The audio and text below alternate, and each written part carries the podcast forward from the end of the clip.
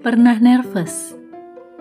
Orang yang nervous atau gugup atau tegang sedang tidak tenang. Ia gelisah akan apa yang akan dihadapi. Alih-alih just want to look perfect, jadinya malah khawatir sana dan sini.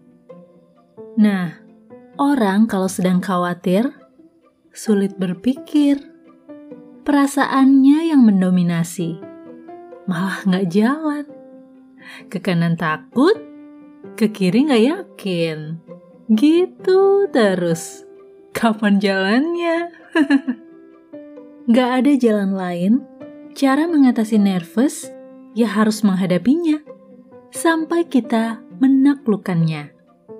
Kekhawatiran itu cuma di perasaan, bukan kenyataan.